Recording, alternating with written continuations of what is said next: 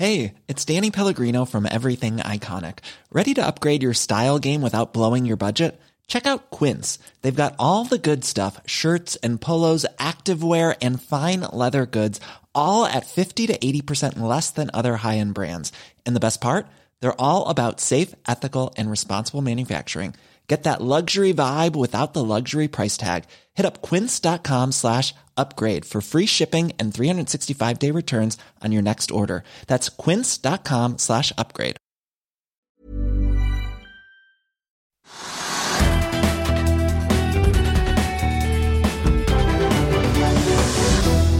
Renter som stiger, boligpriser som faller og en hel haug med kvartalsrapporter og emisjonsnytt. Ja, det er nok å ta av, så jeg sier bare velkommen til Økonominyhetene på denne tettpakkete nyhetsdagen torsdag 3. november. Vi er veldig glad for å ha deg med oss i denne sendingen, der vi straks skal snakke med gründer og styreleder i flyselskapet Flyr, Erik G. Bråten, etter nyheten om en stor emisjon som prises til ett øre aksjen. Hva blir veien videre for flybabyen hans i dette veldig krevende markedet? Vi skal også høre fra Europris-sjef Espen Eldal, som møter med sine kvartalstall, og som forbereder seg på en julehandel med kunder som snur på hver eneste krone. Det blir også teknisk analyse av Valenius Wilhelmsen mot slutten av sendingen. Men først må vi se litt på markedet og andre nyheter som preger børsdagen. Hovedindeksen på Oslo Børs startet jo ned 1 i dag, men har klatret jevnt over utover dagen og ligger nå eh, ned en halv prosent. Vi var oppe og så nulltallet litt tidligere. Nordsjøoljen er ned 0,3% til 95,2 dollar fatet for et fat eh, nordsjøolje i spotmarkedet. Den amerikanske lettoljen rett under 88 dollar fatet. Rundt oss i Europa rødt jevnt over på alle de store indeksene, og futuresene på Wall Street peker også mot en eh, nedgang der når handelen åpner om bare noen få sekunder. Wall Street gjorde en U-sving i går på en halvtime og endte ganske solid i rødt. Det var jo en liten halvtime der der det var spor av optimisme etter at rentebeslutningen fra Federal Reserve hadde kommet, men eh, idet Jerome Powell begynte å snakke på pressekonferansen, så surnet det ganske fort. Og som JP Morgan oppsummerte det i sin morgenrapport, fra due til hauk på 30 minutter. Vi skal straks komme til dagens rente- og makronyheter, men vi må ta unna noen av de veldig mange kvartalsnyhetene som har kommet og preger dagen. Og ikke minst eh, transaksjonene. Aksjelutions er ned 11 i dag. Næringsdepartementet annonserte sent i går kveld at de ville selge halvparten av aksjene sine i oljeservicekonsernet, og det gjorde de. En eierandel på 6,1% ble lempet ut til 39 kroner og 30 øre aksjen. Et aksjesalg på 1,2 milliarder. Aksjekursen ligger inne med en kurs nå på 38 kroner og 50 øre. Det betyr at den er opp eh, rundt 76 avhengig av om du regner med eller uten eh, utbytte. Regjeringen har jo fullmakt til å kvitte seg med resten av aksjene, og i april i fjor så solgte jo staten unna aksjene i både Aker Carbon Capture og Aker Offshore Wind for henholdsvis 563 og 215 millioner kroner. Aksjer som de da mottok etter splitten av Aker Solutions i 2020.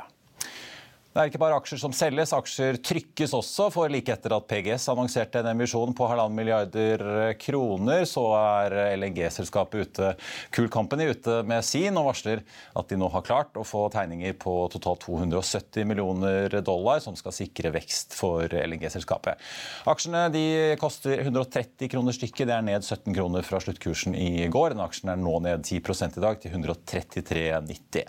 Så får vi også bare ta med Philly Shipyard, da, som først og fremst er ute med kvartalsrapporten, men aller viktigst for kursen er en eh, kontrakt som på det meste sendte aksjen opp 18 i dag. Nå ligger den og vaker rundt 8% det er da en kontrakt med Matson Navigation for tre containerskip i det amerikanske Johns Act-markedet på totalt 10 milliarder kroner, som altså dobler den eh, allerede ganske solide ordreboken til eh, over 20 milliarder kroner, som er en ny rekord.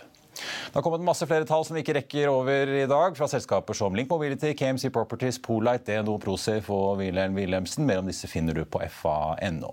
Vi skal jo se litt nærmere på Europris senere, men jeg må bare trekke frem en annen aksje som også har eh, kommet med kvartalstall i dag, nemlig Kahoot. Aksjen er ned 19,5 selv om Kahoot kunne vise til både vekst i inntekter og antallet betalende brukere så er ikke det nok til å overbevise markedet. Aksjen er ned etter at Kahoot da kutter i guidingen sin for omsetning.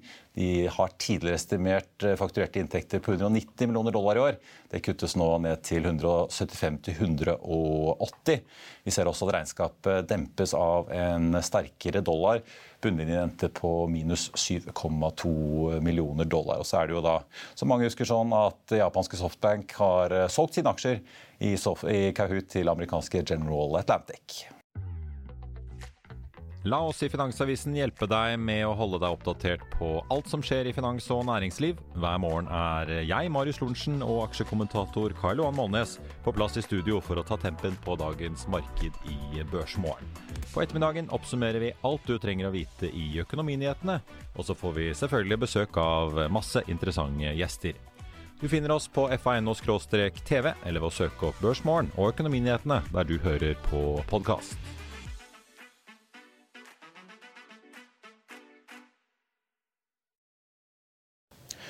ECB har gjort det. Fed gjorde det i går, og ja, i dag kom også Bank of England og økte rentenivået som ventet med 75 basispunkter til 3% Det er det største rentehoppet i Storbritannia siden 1989, og det høyeste rentenivået siden finanskrisen i 2008. Britene sliter jo med høy inflasjon, og Bank of England venter at Eh, inflasjonen vil begynne å falle ganske kraftig halvveis ut i neste år. Og Nyheten fra London den kom bare kort tid etter at vår egen sentralbank klinket til med nok en renteøkning. Men denne gangen ble det ikke 0,5 prosentpoeng som Norges Bank har økt med de tre foregående rentemøtene. Nå ble det 0,25. Og Norges Bank signaliserte at vi kan vente en renteøkning til allerede i desember. Vi er nå på en styringsrente på 2,5% og kan dermed forvente 2,75 innen året er omme. Og selv om inflasjonen i Norge tikket oppover til 6,9% i september, så mener Norges Bank at de nå ser klare tegn til at norsk økonomi kjøles ned, og at eh, både frakt og energipriser er eh, på vei ned. Og for de som fulgte med på Børsmorgen i morges, så var Olav Chen i Storebrand sa om kronen, så har altså kronekursen svekket seg enda mer i dag. Dollaren har blitt nesten halvannen prosent dyrere, ligger på 10,61. Euroen opp 0,7% til 10,34. Og mens vi skal få inn Flyr-gründeren i studio, så må vi holde oss litt innenfor makroverden. For i dag sa Norges Bank at de ser en klar nedkjøling i boligprisene også. Det kunne også statistikken fra Eiendom Norge vise oss. Vi har en ny måned med ganske solide fall. Boligprisen i oktober falt 1,9% sesongjustert 0,8% ned. Og boligprisen i Oslo er ned nesten 2% Det betyr at prisene så langt i år er opp nesten 5% Kollega Øyvind Ekås har mer. Ja, Henning Lauritzen. Største prisfall siden finanskrisen. Hele 3,2% ned i Oslo og 1,9% på landsbasis. Vil du si dette var dramatisk, eller litt som ventet? Ja, det var nok uh, som ventet at vi ville se et ganske solid prisfall nå også. For nå, nå, er tilbudssiden kommet tilbake for fullt etter å ha vært veldig stram gjennom mange måneder frem til september. Og styringsrenten ble tidligere i dag satt opp med 25 basispunkter og skal etter alle solmerker videre oppover. Betyr det at dere venter en sterkere nedgang i boligprisene fremover? Ja, vi, vi, venter at vi fortsatt kommer til å se større prisnedgang enn det som er normalt for denne tiden av året. Eh, og Det er jo bl.a. sammenheng med at de to siste rentehevingene fra Norges Bank, inklusive dagens, de har jo ikke nådd frem til forbrukerne ennå. Og dette vil jo dra ned lånemuligheten og kanskje låneiveren fremover, og det kommer vi til å se i boligprisene. Og Hvor lenge venter dere at denne nedgangen vil vare? Ja, vi venter nok at, at, den vil vare til eh, Norges Bank begynner å eh, dempe rentehevingene. Eh, er det lenge mellom eh, altså kvart prosentpoeng renteheving, så, så, vil vi nok kunne se et boligmarked som, som kommer i en prismessig likevekt. Og så venter vi ikke at vi kommer til å se noe prisoppgang i boligmarkedet før eh, etter sommeren neste år en gang. Og så nevner dere også at dere er bekymret for nyboligmarkedet. Kan du forklare litt om det? Ja, Det vi jo eh, vet ut fra bl.a. boligprodusenten og Prognosesenterets tall eh, og tellinger, det er jo at det ikke er solgt så få boliger hittil i år siden finanskrisen.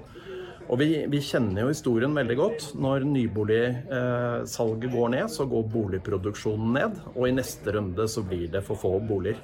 Og nå er vi i en situasjon hvor arbeidsinnvandringen har kommet kraftig tilbake etter korona. Og i tillegg så er det mange ukrainske flyktninger som skal bosettes fremover, så disse boligene trengs. Og da får vi fort en sånn bumerangeffekt i boligmarkedet, hvor prisene først går ned, og så smeller de veldig kraftig tilbake på et senere tidspunkt. Og helt til slutt, Eiendom Norge tar til orde for å avskaffe utlånsforskriften. Hvorfor det? Utlånsforskriften ble jo innført i en streng utgave fra og med 2017, da styringsrenten var 0,5% og Hensikten var jo veldig klar, å, å dempe så stor lånegiver at man fikk finansiell ustabilitet. Nå gjør eh, en høyere utlånsrente hele den jobben utlånsforskriften var satt til å gjøre midlertidig. Og da mener vi det er riktig å oppheve utlånsforskriften, for nå drar den egentlig bare ned bruktboligmarkedet og nyboligmarkedet unødvendig mye. Takk. Da skal vi snakke fly og en kvartalspresentasjon mange ventet på. For etter at Flyr den 4. oktober varslet en ny kriseplan for vinteren, at halve flåten skulle settes på bakken i vinter, og at man så etter finansielle alternativer, så ventet jo mange på hva selskapet skulle si i dag. Og spenningen ble jo ikke mindre av at trafikktallene for oktober også ble sluppet før eh, tiden. Fasit viser et underskudd på nesten 453 millioner og en negativ egenkapital på samme nivå. Og ikke minst da nyheten om en emisjon som også skal få dere gjennom en, eh, i det som i bransjen er en eh, krevende vinter. Erik Bråten, velkommen. Jo, takk for det. Du er med oss Olav Gram Degnes i Finansavisen. Du, eh, Erik, kanskje vi skal begynne der før vi graver ned i tallene. Hvordan havnet dere her, egentlig? At dere har måttet iverksette en såpass dramatisk vinterplan, kriseplan? Nei, det var jo fordi at vi så at den, eh, den, produksjonen som vi la ut på Innlandet, som betydelige økninger i, i august-september, den materialiserte seg ikke sånn som vi så. Um, og da har vi sagt at da skalerer vi ned den produksjonen uh, gjennom vinteren. Og så uh, fokuserer vi på de rutene hvor vi ser at vi har noe god fremdrift. Både i form av uh, kabinfaktor og priser. og så får vi skalke lukene gjennom vinteren og, og og da som sagt også måtte permittere noen, noen mennesker, ganske mange faktisk, og også sette noen fly på bakken. Så vi har jo sett, altså Dere hadde jo to emisjoner tidligere i eh, år. for så vidt. Den ene ble jo varslet for et års tid siden. Eh, begge de var jo for å dekke inn tap på to ekstrabølger med korona som eh, egentlig ingen ventet. Men hva er det som svir mest nå? Er det konkurransen og de lave prisene mot SAS og Norwegian og Widerøe? Er det drivstoffet? Er det at folk ikke reiser så mye som dere kanskje trodde? Eller er det en cocktail alt sammen? Det er vel en cocktail alt sammen. Jeg tror at de to foregående emisjonene var jo, var jo for å prøve å, å, sette um, kapitalen tilbake i form av både delta og, omikron. Og vi hadde ikke tatt tilstrekkelig høyde for det. Det er vel riktig å si. Og så når vi da endelig kommer i produksjon igjen, så vi har liksom hatt fra startet, når vi startet den 30. juni, så kom vi i og for seg ganske godt i gang. Um, og så fikk vi da nest, to nedstengninger. Uh, og når vi endelig kommer liksom ut av det igjen, så kommer fuelprisene midt i trynet. Så da vi laget det opprinnelige prosjektet, eller prospektet på dette, så var fuelprisene, eller olje, nede i 30 dollar. Uh, og så vet vi hva den er i dag. Så vi har jo, vi har jo fått mye motvind. Det er ingen tvil om det. Det er jo sånn at fly skal jo ta i motvind også, så, men, men, det hadde vært greit å få litt hjelp fra, fra, fra, fra andre hovedting. da. Ola, du skrev jo litt spøkefullt at uh, du skulle svømme var det fra Aker Brygge til Akershus-kaien uh, uh, hvis de hentet penger uh, over 30 øre. Ja, jeg... En krevende posisjon. men det er jo ikke bare de. jeg vil se også Norwegian de snakket også om at de svea en milliard mer enn ventet på drivstoff nå i tredje kvartal. Mm. tror de har gjort det samme i andre kvartal. Ja, men fuel er jo det er borti 40% av kostnadene, så det er klart de merker det, merker det godt. Så det er sikkert flere enn Erik som, av flyselskapene som håper at det faller. Nei, Vi hadde eksempelvis i, i juli da, så hadde vi 45 av kostnadene våre var fuel. Ja. Og det skal, det er sånn Historisk så har det ligget rundt 30. Så det er klart at det er en, det er en merkostnad som er betydelig, og det er vanskelig å, og, å ta inn den på kort basis. Mm. Dere har vært ganske åpne på at uh, det har tatt for lang tid å komme inn i alt fra disse reisebyråene, Finn reise, alle disse systemene som bransjen tradisjonelt bruker for uh, distribusjon. Ja. Hvor viktig har det vært eh, i kampen om å få de passasjerene som faktisk er ute og flyr? Ja, det har nok det, det, det Altså, vi har ikke vært der. Så det vil jo nå, et, nå vi oss fremover, så vil jo det gi et resultat, eller fortelle oss hvor mye det betyr, da. Men dette var en avveining ut ifra at vi ønsket å etablere på en, en ny IT-plattform eh, som du ikke var avhengig av Madeus. Slik at vi har jo for alle praktiske formål eh, ingen kostnader i distribusjon som sådan. Samtidig som den distribusjonsplattformen da var ikke helt ferdig. Og så har det tatt lengre tid enn det vi skulle ønske å, å komme oss inn i, i andre distribusjonsledd. Så det, det, Vi hadde håpet å vært i, i de største reisebyråene fra 1.8, og det er vi først vel i dag eller i går, rett og slett. Mm. Hvordan er det jo øh, selvfølgelig mye Erik ikke kan si om hva som skjer nå bak på kammerset med emisjonen, men øh, vi vet jo at SAS øh, på et eller annet tidspunkt må hente penger i sin Chapter 11-prosess. Hva vet vi egentlig om emisjonsprosessen til Flyr?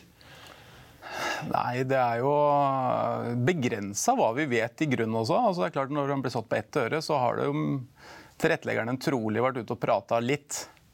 For det er klart, ett øre, det er jo, da sier du at pre-money verdt 6,3 millioner. Det er jo det er en begrensa verdi. Så det er klart De har jo fått indikasjoner på at eh, de klarer å fylle 4,30 på, på ett øre. Så får vi håpe at de klarer det, da. Hvor kommer det tallet 430 millioner fra? Altså, sier dere at dere ser muligheter for en reparasjonsemisjon på inntil 100 millioner til. da. Men uh, hva ligger bak den kalkylen? Det ligger en detaljert plan på hvordan vi skal klare oss nå gjennom uh, vinteren og frem til neste sommer. Og så har vi tatt det beløpet eh, og sagt at det, det, er det som er nødvendig eh, for å komme oss over på, på, tørt, på tørt, land. Jeg må jo si at Det er jo beklagelig for alle de som har investert i oss. Det er jo ikke noe morsomt å ha et prosjekt hvor, hvor, folk taper penger. Så det, det er en ting at jeg får tape noe penger, men det, men det er ikke noe moro å sitte og å tape penger for andre mennesker. Nei, for eksisterende aksjonærer inkludert deg selv, dere blir jo i realiteten utradert her med den lave kursen? Ja, det, du, absolutt. Nå har jo Litt av grunnen for hvorfor vi har satt en så lang eh, tegningsperiode, er jo at de som i dag har aksjer, eh, kan jo også tegne seg eh, i, i den 430, pluss at den reparasjonsemisjonen er jo ganske stor. Så for de som ønsker å prøve å, og har lyst til å være med oss videre, så er det fortsatt mulighet. Men jeg, jeg bare, det er ikke moro å, å, tape penger for andre mennesker. Men jeg må jo si, altså Så langt så har vel du investert selv via ditt investeringsselskap og Jada 90 millioner? Ja. Du, det står for børsmeldingen at du eh, tegner deg for ti til. Ja. Men det er jo en, grovt regnet under en tredjedel av uh, din prorate andel hvis du ser på eierskapet ditt i Flyr i dag. Ja, er, Da vi hadde denne, dette oppe i styret i mitt selskap, da, så, så, var vi for seg innforstått når vi skulle gjøre, være med på dette prosjektet. Da. Eh, og, men at vi liksom satte oss en limit på det. Og det, og det må jeg respektere i forskjellige beslutninger vi har tatt tidligere. Så det er liksom Ja. Mm. Tror du hvem andre tror kan komme inn der, Olav? Nei, eh, spekulasjoner da, naturligvis. Vi vet jo at mange retail-investorer er veldig glad i flysektoren i Norge. Norwegian har jo vært en folkekjær i mange år. Vi vet også at det er mange småaksjonærer som også har tatt penger på flyer. Absolutt. Jeg tipper at småaksjonærer kommer til å tegne seg, det tror jeg, på et øre. Det er jo, ikke sant, Når Erik sier at de har mange og 20 000 aksjonærer, så er det sikkert mange som vil tegne seg. Men jeg tipper jo at de trenger nok noen institusjonelle som drar lasset her. Det er ikke noe, det er ikke noe tvil om. Har dere det, Erik? Er det liksom noen eh, Hva kan du egentlig si om prosessen som pågår? Det vet du, altså, jeg kan ikke si noen ting. Nei. Så, jeg må jo spørre, vet du. Ja, altså, absolutt. Så. Nei da, så, så, vi jobber på. Um, så det som er jo tilfellet, at det er jo et vi har jo, Det som vi har slitt med hele tiden, det er jo topplinjen. Og så har vi, vi har en veldig bra kostnadsbase. Vi har et produkt som, som folk er begeistret for. Eh, og vi har en gjeng med ansatte som eh, trives, og som gir jernet. Masse flinke folk. Eh, og så er vi da ligget på etterskudd når det gjelder topplinjen. Og det er jo sånn at det pussige er at de etablerte selskapene de, har, de kan generere topplinjen, men de har en dårlig kostnadsbase, så de tjener ikke penger. Uh, og mens vi har Ola kan si hvilket selskap det er. vet du. Ja, mm. Mens vi har da en bra kostnadsbase, et bra produkt, og det tar det tar lengre tid å bygge topplinjer. Mm. Og den, uh, vi, vi, opplever at vi har holdt på med den her i, i, årevis, men vi har jo egentlig bare vært i luften i under ett og et halvt år. Ja. Men altså, hvis jeg ser på tallene, så er jo da altså Antall passasjerer økte i tredje kvartal fra 475 til 600 og nesten 70 000. Fyllingsgraden gikk opp også kraftig. Likevel taper dere mye penger, og kontantbeholdningen blir eh, omtrent halvert til 150 millioner. Er det bare at dere selger billettene for billig, rett og slett? Ja, vi, Det er helt åpenbart at uh, to tredjedeler uh, av det shortfallet vi har, det skyldes uh, pris. og en tredjedel kabinfaktor. Mm. Så det er litt sånn at en sånn lavprismodell fordrer at du har en veldig høy kabinfaktor, og at du er god på det. Det tar tid for systemene å få historikken til å kunne Og dette er jo automatisert. Eh, og så er det en tøff konkurransesituasjon. Det, det er det ingen tvil om. Kan du røpe noe fra tallmaterialet dere er ute og prater med investorene om? da? Altså, Hvilke kabinfaktor ser dere for dere for å gå break even, ja, lønnsom osv.? Det, det vi snakker med til investorene nå, det er rett og slett at vi har, vi har tatt utgangspunkt i det vi nå har øh, oppnådd øh, fra juni og frem til nå. Så det er jo stort sett den perioden som det har vært en normal situasjon. Da. Øh, det er ikke så lenge siden vi kom ut av en pandemi. Og så har vi lagt de tall og tallstørrelsen til grunn. Så vi har liksom ikke lagt en linjal som går som oppover. Vi mener at vi er rimelig konservative. Um, og, da, og, det er det som ligger til grunn. Og det, det som, der vi har hatt stadig vekk bedre traction, har jo vært på disse utenlandsrutene. Uh, de, litt lengre og korte utenlandsrutene. Og der har vi jo Oktobertallene var jo relativt sett bra, så det begynner liksom å lukte fugl. Mm. Kan vi snakke litt om, om eh, hvilke alternativer er det dere har vurdert her? Eh, du Olav har jo skrevet at uh, man skal ha vært ute og sondert terrenget for både hybridkapital, emisjon emisjon, ulike instrumenter. Hva kan du egentlig si om hva dere har vurdert, Erik? For dere var litt diffuse i den første børsmeldingen 4.10 om hva dere egentlig vurderte. Noen ganger sier man jo bare emisjon. Punktum. Ja. Nei, vi har, vi har trålet forskjellige kapitalkilder. Det må jeg innrømme, for å liksom finne ut hva som egner seg best. Og vi har landet på, landet på dette som det mest hensiktsmessige. Olav, hvis vi ser litt på markedet, nå har vi jo Widerøe, som selvfølgelig er Widerøe med fotruter og mye. De har eh, tre jetfly som de også har bygget opp en stor hub i Bergen. SAS, ganske ned fortellinger, chapter 11. Mm. Ironisk nok ser det ut som det er Norwegian som klarer seg aller best. Der klarte de å øke kassen selv med forskudd til eh, Boeing, og som du skrev, går til frontalangrep på kjernemarkedet til SAS? Ja, nå er det full gass i forretningsreisene for, eh, for, for Norwegian på SAS. Så får vi se da om det gjør at dere får et, eh, altså flyr da, får et eh, lite gap til å gå på, på sydenferien, holdt jeg på å si. Og så type de Middelhavs, de kommer til å være der. Men uh, siden de, jeg tror nok Norwegian kommer til å gå ganske hardt på SAS nå. altså. Det var jo Geir veldig, altså Carlsen var jo veldig klar på det også. Erik, jeg lurer liksom på, Hva skal dere være nå? I vinter har dere skissert eh, et eh, program hvor dere, dere skal fly Bergen og Trondheim. Noen juleruter til litt flere byer, men i liksom lavsesongen så er det Bergen og Trondheim. Pluss da Sør-Europa, Alpene. Hva skal fly være fremover? Har dere justert litt på de planene? Tar dere en annen posisjon nå enn det dere så for dere opprinnelig? Er det, vil vi se et selskap som ikke er så til stede i Innenriks-Norge? Ja, Innenriks i Norge blir vi veldig små. Og der må vi, der må vi egentlig bygge oss opp på nytt på en måte. Så det vi flyr nå, er jo bare helgtrafikk på, eh, på Trondheim og på Bergen. Eh, så vi, det som er ambisjonen, er at vi skal stort sett ligge med tilsvarende det programmet som vi hadde gjennom sommeren eh, i år. Som vi vil legge ut på nytt med noen, noen, noen justeringer. Og så skal vi prøve å redusere risikoen for, på inntektssiden med å, å, tilby noe kapasitet mot charterselskaper og, og, og wetlease. Og prøve å, å, dra ned risikoen litt. Men egentlig altså det er mindre et Norwegian 2.0? Altså mindre Oslo, Bergen, Trondheim, Stavanger, Ålesund? Ja. Alle disse rutene innenriks? Fokusere mer på ja, Dere har jo slått dere opp på Alpene og mange litt, sånn, litt, spesielle destinasjoner i Europa som ikke så mange andre tilbyr? Ja, det, det er jo en relativt sett kort periode. Mm. Du har fra februar ut mars, så det er jo ja, seks-syv uker. Så det er relativt sett kort. Så, men det, du vil se at uh, ambisjonen er at vi skal gjøre veldig mye av det vi gjorde gjennom våren, sommeren og, og høsten. Det står nå i presentasjonen deres til investorene om hvor er dere type om eh, ja, si to år, tre år. Opprinnelig plan var jo opp mot 30 fly. Ja. Eh, hvordan er treårsplanen nå? da? Ja, vi har nok mindre ambisjoner eh, enn det. Og det som er litt av grunnen for det, er at vi har klart å få ned eh, eh kostnadene og skalaeffekten på veldig få fly. Altså, vi opererte jo gjennom juli med en, med en kostnad per setekilometer som lå under det som Norwegian hadde.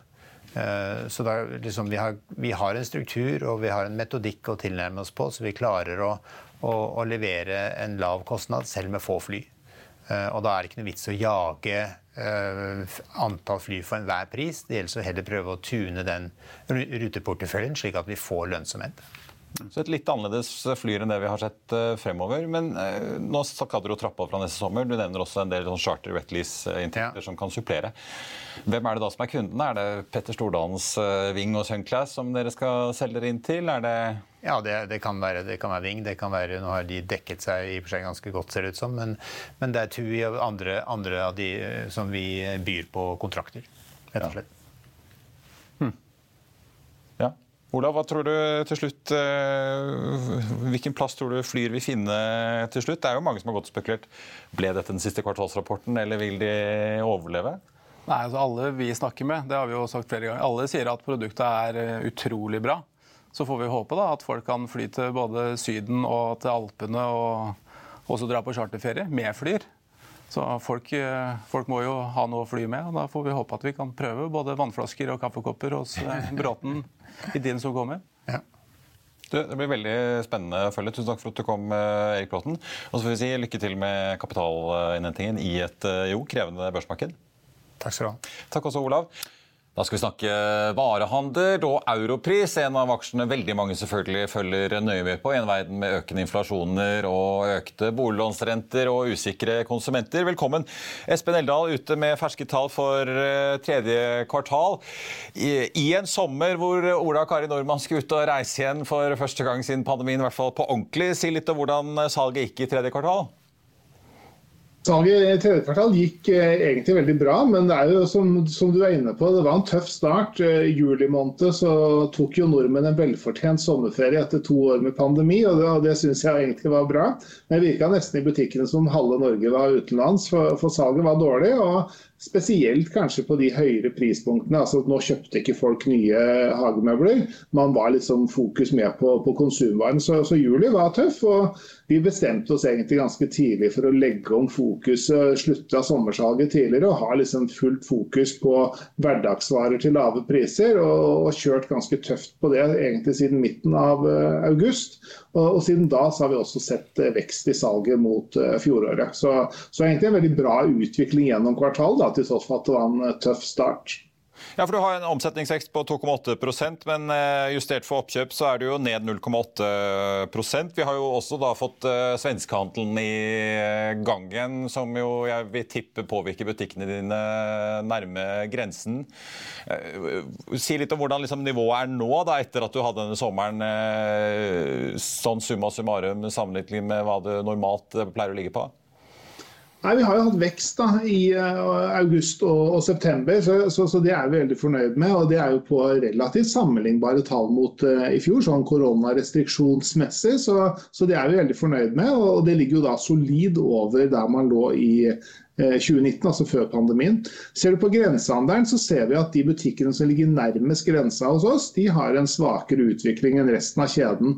Men vi har hele tida trodd at eh, det kommer til å ta tid før grensehandelen er tilbake til der den var før eh, pandemien. Og det ser vi også på trafikktallet over Svinesund, ser det på, på salgsstatistikken til polet rundt, rundt svenskegrensa. At liksom, vi er ikke helt tilbake der vi var før pandemien ennå. Vi følger jo også svenske varehandel og har jo en samarbeidskjede der i ØOB, hvor vi deler noen sakstall på tvers av landegrensene for å følge dette. her. Vi ser at eh, vi ligger langt over 2019-nivå, eh, de ligger fortsatt under. Eh, og Det harmonerer bra med det trafikkbildet og det vi ser. Så Svenskehandelen er jo selvfølgelig kommet for å bli, men den er ikke tilbake der han var. Før vi kaster oss over hvordan eh, disse kundene deres og konsumentene oppfører seg nå og fremover, hva dere forventer mot jul, så vil jeg høre litt om logistikken. For det har jo vært eh, et veldig stort tema. Dere har jo eh, god, ganske gode ledetider, selvfølgelig. Dere får mange produkter fra, fra Asia som dere må, i god tid må planlegge for å få inn til riktig tid i sesongene. Dere har jo tidligere sagt at dere har en direkteavtale med Mersk for å sikre leveransene. Hvordan ser logistikken og varebeholdningen ut nå på vei inn i, i si, Black Friday, Black Week? Og julehandel? Logistikken og varetilgangen ser bra ut. Vi har, eh, har det vi trenger. Eh, og den uh, Varekjøpet vårt er jo altså det er rundt 35-40% som kommer fra, fra, Asia. Resten er jo sourca her i nærområdene.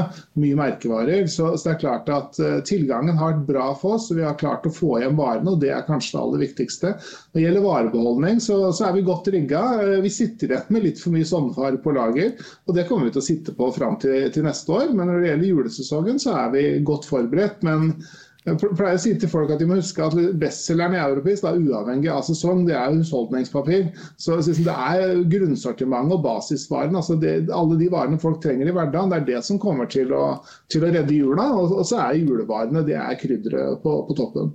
Og så er det jo selvfølgelig smågodt på vei inn i kassen som er livsfarlig for uh, noen av oss. Men altså, nå skal dere jo ha en kapitalmarkedsoppdatering eller kapitalmarkedsdag da 8.12. Uh, men mange lurer jo før det på hvordan dere egentlig ser på uh, julehandelen. Jeg merker meg i outlooken deres at dere skriver at uh, dere posisjonerer dere med tanke på at det, gjelder å ha mye varer med et lavt prispunkt. Tidligere har dere jo sagt at rundt 60 av beholdningen Eh, ligger med en produktpris under hundrelappen. Eh, har dere tatt ekstra grep nå, og hva ser dere i kundeatferden? Vi ser at kundene er eh, mer prisbevisste, og det, det, bygges jo opp også i media, som har et veldig fokus på pris om dagen. og Det er superbra for en aktør som Europris, og sikkert alle andre som driver med, med lavpris også. Eh, fordi det driver jo trafikk. Eh, og vi ser at kundene nå slår mer til på tilbudene. Vi har spissa førstesiden på, på DM-en vår og kjører skarpere på trafikkskapere. Og, og det slår veldig bra i dagens marked. Og det er det vi har forberedt oss på inn i Q4 også. Så jula også kommer til å bli tøffere priser og kampanjer på hverdagsprodukter. Og det er lave prispunkter. Så jeg føler egentlig at vi er godt rigga, og det tror jeg nok også andre som er innafor lavpris eh, føler for øyeblikket. I forrige rapport så skrev dere at uh, litt apropos dette, at dere forventer at bruttomarginene skal etablere seg på et høyere nivå. Jeg ser jo at dere øker nå til, til 47,6 uh, i dette kvartalet. Men likevel, når du hører om mer prisbevisste forbrukere som snur på hver krone i offentligheten og media, så er man opptatt av krymflasjon og prisnivå og selvfølgelig eh, inflasjonen i seg selv. Eh, I tillegg da kombinert med jeg antar ganske høye strømregninger på butikklokalene dine, setter ikke det et press på bruttomarginen? Jo, det gjør det. Og det er jo alltid sånn at eh, det er markedet som bestemmer prisen. Og vi har jo fulgt markedsprisene. Og så har vi vært i en god posisjon i og med at vi har hatt en eh, fordelaktig fraktavtale. Vi har bundet fraktprisene. Vi, vi jobber jo litt sånn etter forsiktighetsprinsippet i Europris. Vi hedger alt det vi kan som vi ikke kan påvirke sjøl. Så frakta har vi hedga. Vi har hedga strømmen. Eh, så, så, vi sitter egentlig med normale strømpriser nå. Kommer til å ha en liten økning neste år, men, men det er i forhold til hva andre opplever markedet veldig lavt. Så liksom vi har jobba godt på kostnadssiden. Vi har også hedga rentene framover. Så liksom vi har fokus på at vi skal ha fleksibilitet. Da. At når eh, andre konkurrenter nå sitter og sliter med både renter og, og strømpriser og sånt nå, så, så, kan vi ha fokus på å drive salgsaktivitet ute i butikken og ha fokus på det. Så vi nyter fordelen av at vi har jobba strukturelt og bra da, med kostnadssiden. og Det har gjort at vi kunne ha en bra bruttomargin gjennom en periode. Vi forventer at den skal litt ned nå, men fortsatt kommer til å være over der han var før pandemien. da. Til slutt må jeg høre litt om uh, investeringene og kapitalallokeringen deres. Dere har, I fjor kjøpte dere jo dette Lekekassen. I år har dere kjøpt uh, to tredeler av strikkemekka. Selvfølgelig da innenfor strikkesegmentet. Det ligger jo litt i navnet. Jeg ser også dere melding ut om at dere åpner butikk i Nittedal. Har vel åpnet en fem butikker er det vel i løpet av året så langt. Trapper dere noe ned i det hele tatt på, på investeringstakten og utrullingen av nye butikker i det usikre på en måte markedsbildet vi har, eller? Nei, På butikksiden skal vi fortsette å rulle. og Jeg er veldig fornøyd med at du nevner Nittedal. Den åpna klokka ni i dag. Den er eh, faktisk den sjette nye butikken eh, i år. Eh, og forrige kvartal så åpna vi nå en på Ensjø. så liksom Det å få flere butikker i Oslo-området er viktig for oss. og Vi ser at salget her er veldig bra. Vi har egentlig for få butikker i Oslo-regionen, så, det kommer vi til å fortsette med. Også fått på plass en City-butikk som kommer neste år i downtown Oslo, så det, det gleder vi oss til. Eh, så nye butikker skal vi fortsette med, og på investeringssiden og oppkjøp så, så, får vi se hva som kommer av muligheter. Men jeg tror at det markedet vi er i nå kan by på, på noen muligheter. Og, og, vi har tilgjengelig likviditet og rigges på den måten at vi kan uh, ta, benytte muligheter dersom det kommer noe som vi syns er attraktivt. Men du er ikke for redd, redd, for å strekke deg for tynt i butikknettverket i en tid hvor vi kanskje går inn i en periode hvor ledigheten eh, begynner å tikke oppover plutselig, og forbrukeren blir enda mer forsiktig med pengebruken? Da tror jeg faktisk at Europris blir enda mer relevant. Så, så jeg tror at, at, vi er godt rigga, at det fortsatt er plass til flere nye butikker. Til slutt, Er det noen spesielle segmenter som dere er interessert i med tanke på oppkjøp og fusjoner utover eh, leker og strikking? Ja, Vi ser egentlig etter kategorier som vi tror kommer til å vokse mer på nett enn i fysisk butikk i framtida, og, og, hvor vi har en, en kategorioverlapp. Altså vi kan være en god eier og tilføre en kategorikompetanse og hente ut synergier på innkjøpssiden og på produktutvikling. og Det er jo liksom leker og strikking veldig veldig gode eksempler på. Og Samtidig så får disse selskapene også da en, en stordriftsfordel ved å komme inn hos oss og få tilgang til strømavtaler, fraktavtaler, finansiering osv. Så, videre. så det er en vinn vinn Og, og, men vi, ser, vi er ganske kresne. Vi skal ha lønnsomme selskaper, vi skal ha med gründerne videre. Vi skal være med å bygge kompetanse på netthandel, så, som er vanskeligere å gjøre ut fra eh, et sånn bredt vareutvalg lavpris eh, hvor vi er. Så det å bygge den kompetansen og få digitale vertikaler inn i viktige kategorier, det, det tror vi er en eh, veldig viktig strategi framover. Espen Eldal, konsernsjef i Europris, tusen takk for at du var med oss. og så får vi si Lykke til med ny butikk i Nittedal. Vi er straks tilbake. Europris som vi hørte om tidligere, slo jo i dag altså forventningene til resultatene. og Dette er jo en aksje som da først startet ned 6 i dag. Nå ligger den opp over 3% da når vi begynner å nærme oss slutten av eh, børsdagen. Scatec, eh, fornybarselskapet, stiger over 10 i dag etter å ha rapportert sitt høyeste driftsresultat før av- og nedskrivninger noensinne på 850 millioner kroner da i tredje kvartal. Det var 50 millioner bedre enn ventet. Bunnlinjen var dog omtrent som ventet. Scatec tar også oppjusterer EBTA-guidingen sin for kraftproduksjonssegmentet for 2022. og Denne aksjen er nå ned 45% så langt i år, og har da fått eh, kuttet det tallet litt etter dagens eh, kursoppgang. Fearnley Securities omtaler Skattek-tallene som solide, men bemerker at nettogjelden har økt med rundt 800 millioner pga. valutaeffekter. Videre noterer de at det er fremgang på flere nøkkelprosjekter i Sør-Afrika, Brasil og Pakistan, og oppsummerer det hele som et sterkt kvartal. Skattek-aksjen ligger nå på 83,20 kroner per stykk. DNB hadde rett før kvartalsrapporten en salgsanbefaling med et kursmål på 45 da, til sammenligning. Det har kommet kvartalstall fra Oddfjell det siste døgnet. Ny rekord derfra. og Med nesten doblet EBTA spår de også et sterkt fjerde kvartal. Aksjen er opp 4,4 i dag. Klavenes Combination Carriers har heller aldri tjent mer på driften enn de gjorde i tredje kvartal. Den aksjen er opp litt over 2 Og Så må vi innom gamle Fjordkraft. da. Både høye strømpriser og kundevekst sender Elmera Group resultatene oppover. Og den aksjen har skutt opp hele 30 i dag. Det betyr at aksjen så langt i år er ned 52 eller 45 medregnet eh, utbytte. Så må vi innom eh, si, gasstankbransjen. Inflasjons- og forsyningskjedetrøbbel presser inntjeningen til Hexagon Composites. I tredje kvartal ble det et underskudd på 81 millioner kroner. Aksjen er ned nesten 7% og totalt da 30% så langt i eh, år. På tappen så tenkte jeg også bare å nevne en av gårsdagens eh, kvartalsrapporter. Valenius Wilhelmsen eh, meldte jo da om et rekordresultat. Aksjen suste opp 17,3 i dag. I går fortsetter opp 3,75 i dag, skulle jeg si. Dermed er aksjen nå opp 78 så langt i år, eller 81 da hvis man regner med utbytte. Ligger på 90 kroner aksjen. ABG, Pareto, DNB, SEB, Fearnleys, Clarkson, Plato. Alle meglerhusene tar nå og skrur opp kursmålene sine på Valenius Wilhelmsen, eh, etter at de da mener mener at eh, resultatene ser ut til å bli bedre enn ventet også fremover. Og så tar vi da noen av aksjene som har preget eh, dagen. Flyr-aksjen ligger nå på fortsatt på 12 øre aksjen, ned eh, litt over 55 i dag. Men da emisjonskursen som er varslet, er jo da på 1 øre-aksjen, så fortsatt mye nedside.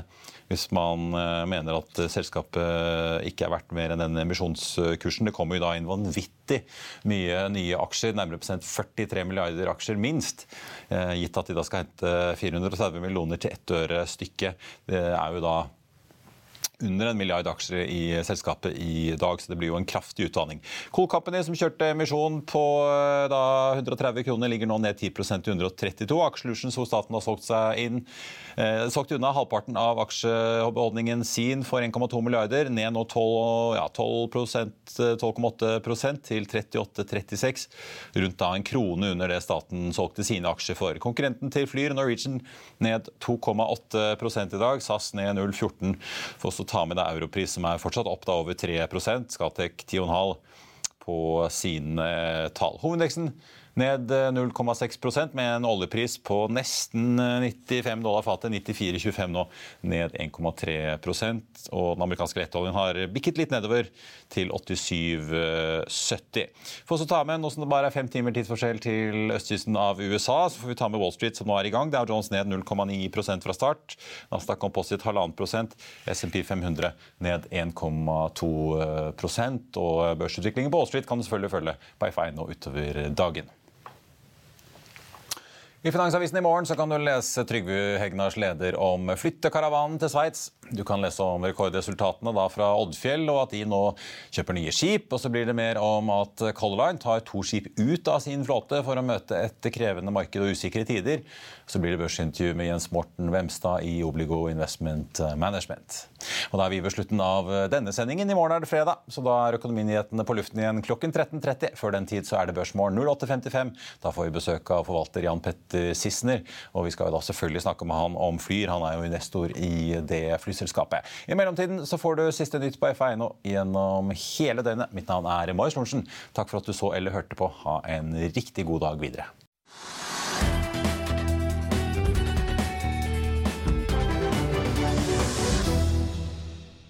Økonominyhetene er en podkast fra Finansavisen. Programledere er Marius Lorentzen, Stein Ove Haugen og Benedikte Storm Bamvik. Produsenter er Lars Brenden Skram og Bashar Johar. Og ansvarlig redaktør er Trygve Hegnar.